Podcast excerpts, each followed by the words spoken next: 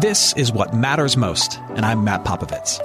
Look, life is crazier than ever, and lots of people, maybe even you, are feeling anxious and overwhelmed. Today's message is designed to help you figure out what's most important and to experience the peace and joy that God intends for you. Because life is a gift, and it shouldn't be wasted on worry. I'd like to give you a resource, something to help you navigate the road ahead. Just go to mattpopovits.com, click on the icon, and we'll send it to you. That's Matt, P-O-P-O-V-I-T-S dot com. And hey, if you happen to live in the Houston area, I'd love to see you on a Sunday morning at St. Mark in Spring Branch. Head to stmarkhouston.org to plan your visit. Here's today's message. Thanks for listening.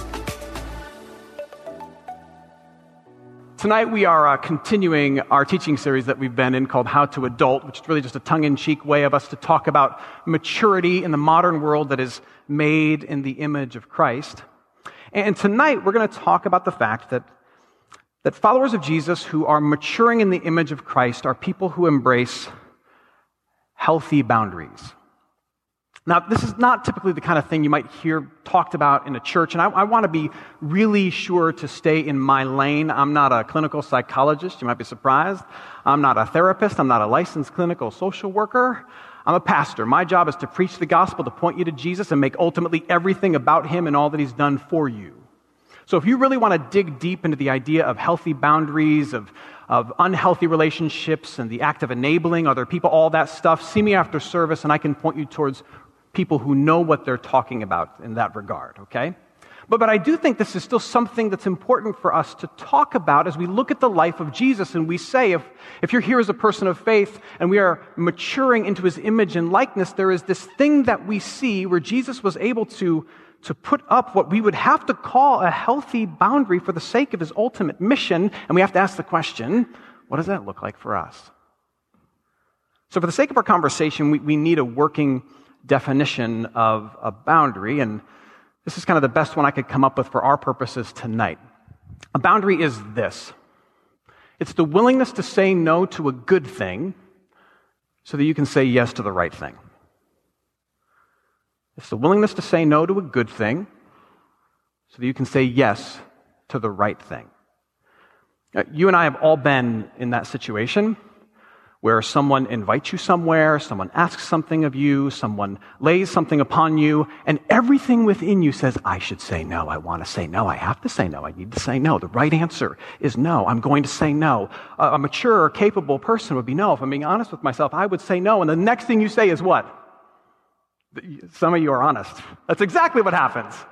You want to say no. You need to say no. Maybe morality screams, you must say no but in your desire to be liked, your desire to be seen as capable, your desire to earn a sense of rightness in the eyes of others, your desire not to be perceived as mean, whatever it is, you don't feel like you have the actual option to say no, so instead you just say yes. I've been there. You've been there. And then there are those people in our life that we admire so much because they they seem to be so opposite of us. People who just kind of seem to have things together, and, and we look at them and, and they seem to have no trouble saying no when they really mean no. Like there's some group text message that goes out to you and about 15 other people, all who know each other really well, and you're all invited to your friend's nephew's quinceanera, niece's quinceanera rather, sorry. and everybody starts replying or they just ignore it. And then there's this one person who chimes in and says, sorry, can't make it won't be there, all the best. And you say, oh my gosh, Leslie is such a jerk. Why can't she just lie and say she's going to be there and not show up or ignore the text like a normal person? But actually, deep down inside, you're thinking to yourself, I wish, I kind of wish I could do that. That's what we're talking about tonight. A boundary is an ability to say yes when you mean yes and say no when, when you mean no. And if we look at the person of Jesus, we see this ability on display. Earlier, we heard from the Gospel of Luke, and I want to jump back to a portion of that reading. So if you have something that can access the scriptures, follow along with me. You can Google Luke chapter 5, verses 12 through 16, or you can open an actual physical Bible. Those are still being made. I just checked just before we started service. Still being produced. It's a thing. Luke chapter 5, verses 12 through 16. Jesus' popularity in this particular moment is growing. He's becoming a thing. And here's what happens with things. There, there are crowds that surround things, and it gets harder to, to engage with the thing once they become a thing. And that's happening with Jesus. While Jesus was in one of the cities, there came a man full of leprosy. When he saw Jesus, he fell on his face and begged him, Lord, if you will, you can make me clean. And Jesus stretched out his hand and touched him, saying, I will be clean. And immediately the leprosy left him. And he, Jesus, charged him to tell no one, but go and show yourself to the priest and make an offering for your cleansing as Moses commanded for a proof to them. But now, even more, the report about him went abroad. The thing got bigger. And great crowds gathered to hear him and to be healed of their infirmities. Now, verse 16, this, this, this phrase just kind of sticks out as if Luke really wants us to pay attention to it. The crowds get bigger, but Jesus would withdraw to desolate places to pray.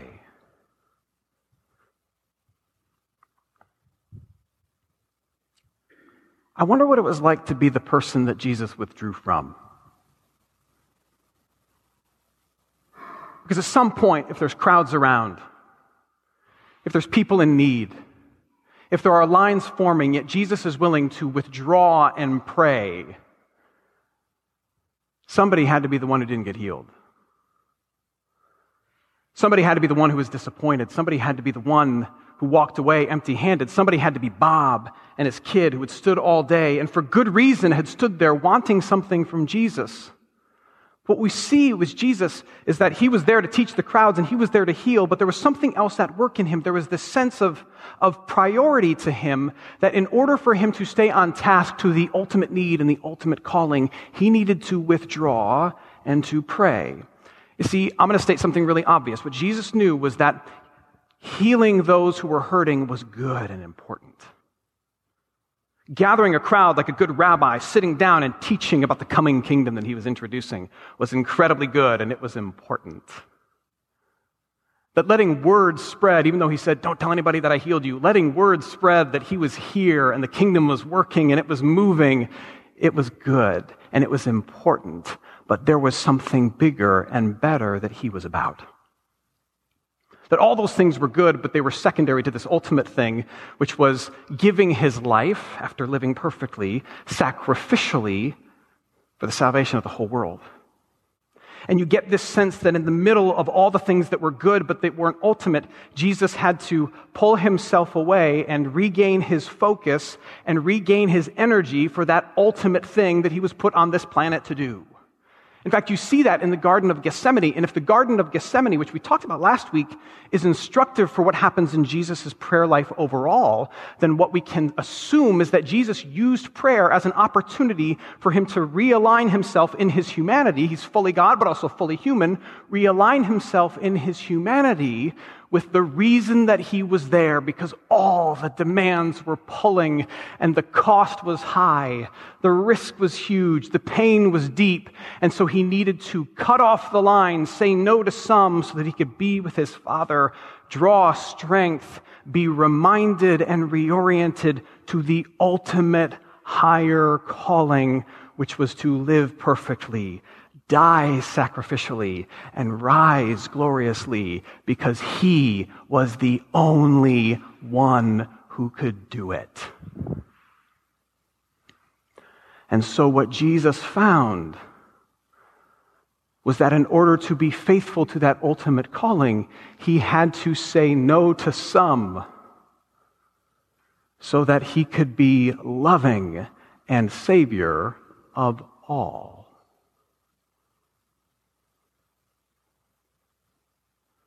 That there was one thing essential to his vocation as Messiah and Savior of the world, and it was to die, and it was to rise. And so he felt this freedom to pause, to push, to withdraw, to say no to these very good things, so that he might say yes to the most essential thing saving you. Uh, you, you, might think I'm crazy, and I know I said I would stay in my lane and stay out of playing dime store psychologist, but if you would indulge me for just a moment, I kind of need to go there. I, I have this assumption that, that our desire to have poor boundaries, not even our desire, that's not the right word, our inclination to have poor boundaries, to feel like we need to say yes when we should say no, to spread ourselves too thin, to feel like there's no other option but to please everybody, that that inclination in us is ultimately, and I'm going to use a $5 word here, is ultimately a soteriological one. It is a salvation issue. Not in the sense that, that your inability to say no or my inability to say no somehow determines our salvation, but, but in this particular sense. I'm willing to bet that in those moments when I am breaking healthy boundaries, when, when you are breaking healthy boundaries, that it's because one of two things is happening. That you are either trying to save yourself, or you are believing that you are essential in saving someone else. And, and here's what I mean by that. There is this, this urge and inclination inside of us to believe that we must, as the Bible says, kind of prove our own rightness or righteousness to the world.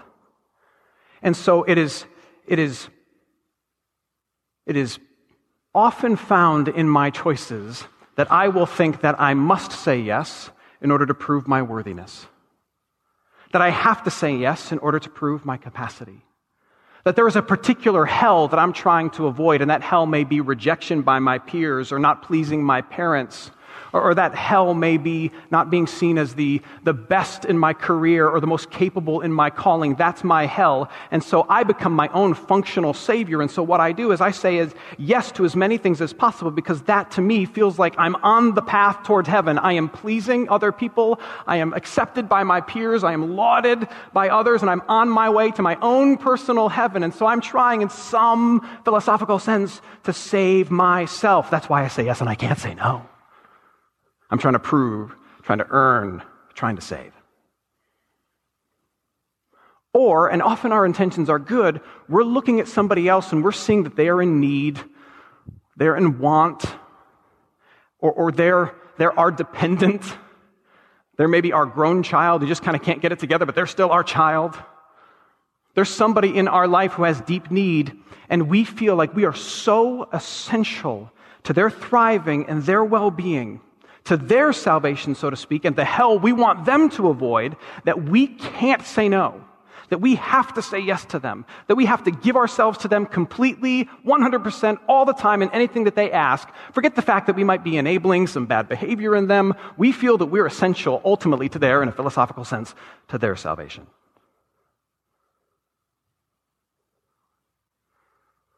All of which, when you really kind of examine it, is kind of messed up. I mean, you could even make an argument that our unhealthy boundaries are ultimately an expression of the very first sin of mankind. You could trace it all the way back to like Genesis chapter 3, which, if you're not familiar, is the moment where God places Adam and Eve in a garden of yes with a tree of no. And what do they do? In a garden in a world of yes, they kind of gravitate towards the tree of no because the tree of no is labeled as the difference between them and God. And they want, they have job envy, which a lot of New Yorkers have. They have job envy. And they are envious of God's job. And they're like, well, why does he get to have that job and I don't get to have that job? I kind of want that job. I would love to have his job. I would love to be the creator, maker, savior, redeemer, reconciler. I would love that job. And so they, they eat the fruit, right? Our inability to say no, perhaps in some way, it's an extension of that. I have to save myself, prove myself.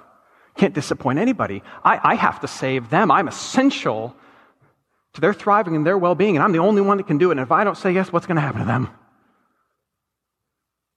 How is that not kind of crowding out the person and the work of God and placing ourselves at the center?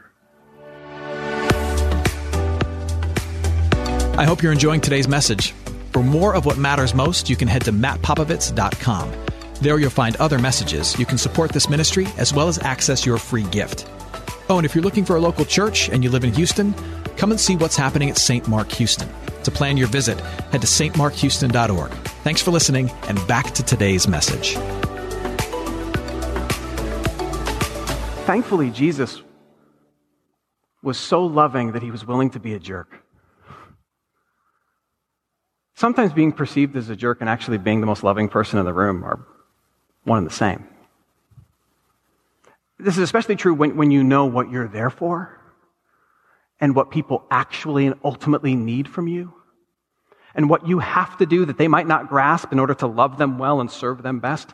And, and so you, you're willing to kind of say no to them, and they might get angry, they might get frustrated, but you know that, that there is one ultimate aim in your calling, one ultimate good that you've been put there for that, that hopefully they'll appreciate later on, but that you must pursue in order to be faithful. And so you say no to these other things and you tick people off so that you can say yes to this bigger thing. And thankfully, Jesus was like that. He was willing to be a jerk in a moment to Bob and his kids so that he could save Bob and his son through his life and his death on the cross. That's what Jesus was up to. And because Jesus was willing to say no so he could pray, because Jesus was willing to say no so he could pray in the garden, so he could pray after healing the leper, because Jesus was willing to say no to the crowd so he could be with his disciples and teach them, because Jesus was willing to say no to the needs of the religious leaders and he could preach about his coming kingdom because Jesus was able to say no to this and to this and to this and to this, all of which are arguably very good things. Jesus was able to say yes to the most important thing. And as a result, he then lived a perfect life and he lived it for you. Because he said yes to that. And then he, he allowed himself to be, to be dragged into this procession up to a hill outside of Jerusalem so that he could be nailed to a cross and he could bleed and he could die and he could do all of that. He drew the energy from that by withdrawing from the needs of others and sitting with his Father in prayer. He faced that for you. He was the only one who could do it.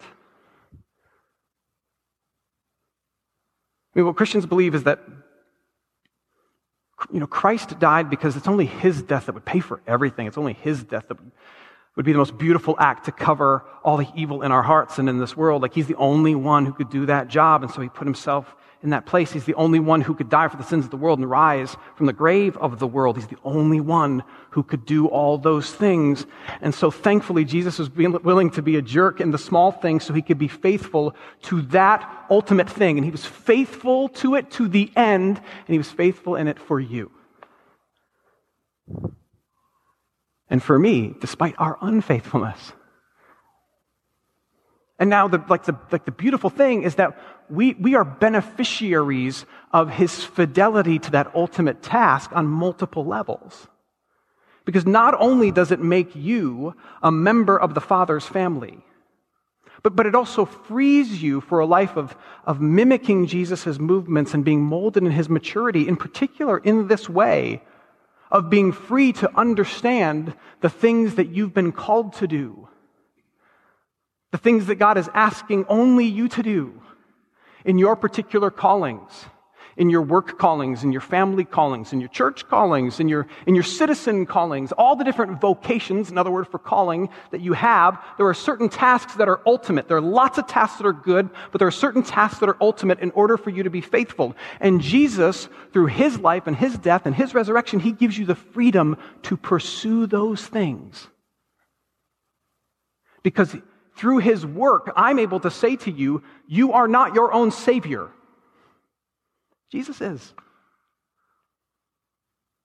And you are not the savior of your cousin, of your coworker, of your fellow church member. You're not the savior of any of these people. Are you called to love them and to give and to sacrifice? Yes, but but but their ultimate well-being in the eyes of the Father does not depend on you. That is God's job. And, and if you forsake your ultimate responsibilities that only you can do, for the sake of trying to be God for them, that's a sin. And Jesus gives you the freedom to say, I am not my own Savior, so I don't, I don't have to say yes to this in order to prove myself if, if my integrity demands that I say no. And, and I am not your Savior, I'm your neighbor. And I'm called to love you and give of myself to you, but, but, I, but I need to really wrestle with where I end and God begins Uh, where, where I end and, and where you begin. Because, because the New Testament puts forth this, this really interesting tension that says we should, we should bear each other's burdens, but then in the same phrase it says each one should carry their own load. I should be willing to, to bear your burdens along with you, but then there's certain things in your life that, that you have to own, and if you don't own them, you will be missing out on the life that God has called you to live and the full embrace of your vocations. And I can keep you from your calling. And sometimes I have to step back and say no so that you can feel that and be convicted by that. Like, and Jesus gives you the freedom to do that. To celebrate and say, I'm not my own Savior. And I'm not yours, I'm your neighbor.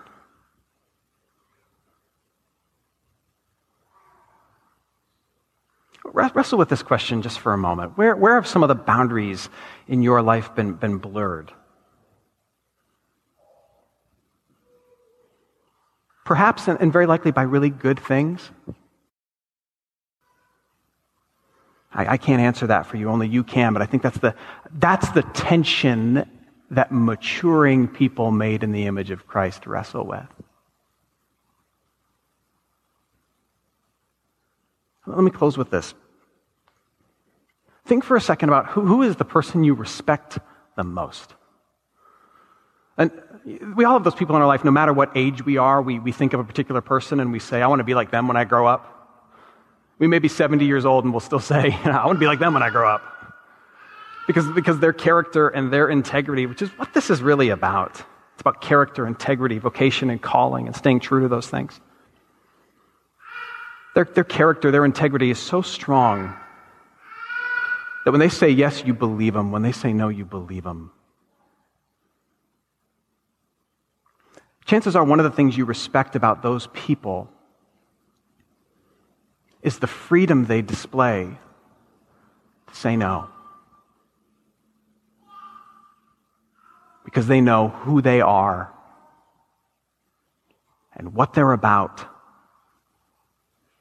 and what's most important and what is the most loving and virtuous and highest good that they can offer the world. And they pursue that. My, my, my, hope for us is that we would be those people for the people around us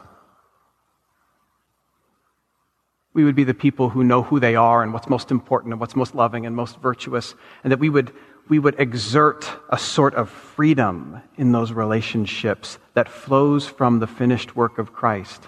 Uh, there is so many, there are so many demands upon us in this world. But what Christians do is we focus on what's been finished for us in this world.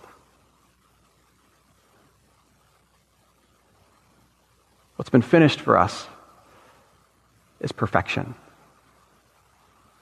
in Jesus. What's been finished for us is salvation for me and for you in Jesus. And that's what gives us freedom. Freedom to say yes when we mean yes. Freedom to say no when character, integrity, and ultimate calling demand that we say no.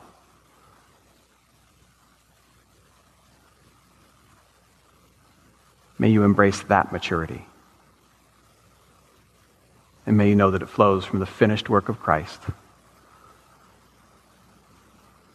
who saved you. Amen. Hey, it's Matt. I hope you enjoyed what matters most.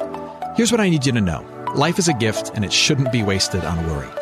I want to help you figure out what's most important and to experience the peace and joy that God intends for you. So, for more content, you can head to mattpopovits.com. That's Matt, P O P O V I T S.com. There, you can also support this ministry as well as access your free resource, a little something to help you navigate the road ahead. I'd also love to see you on a Sunday morning.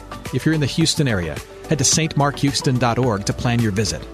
In the meantime, hit me up on Instagram at mpopovits or at facebook.com slash Matt Ministries. Thanks for listening. Now go and hold tight to what matters most.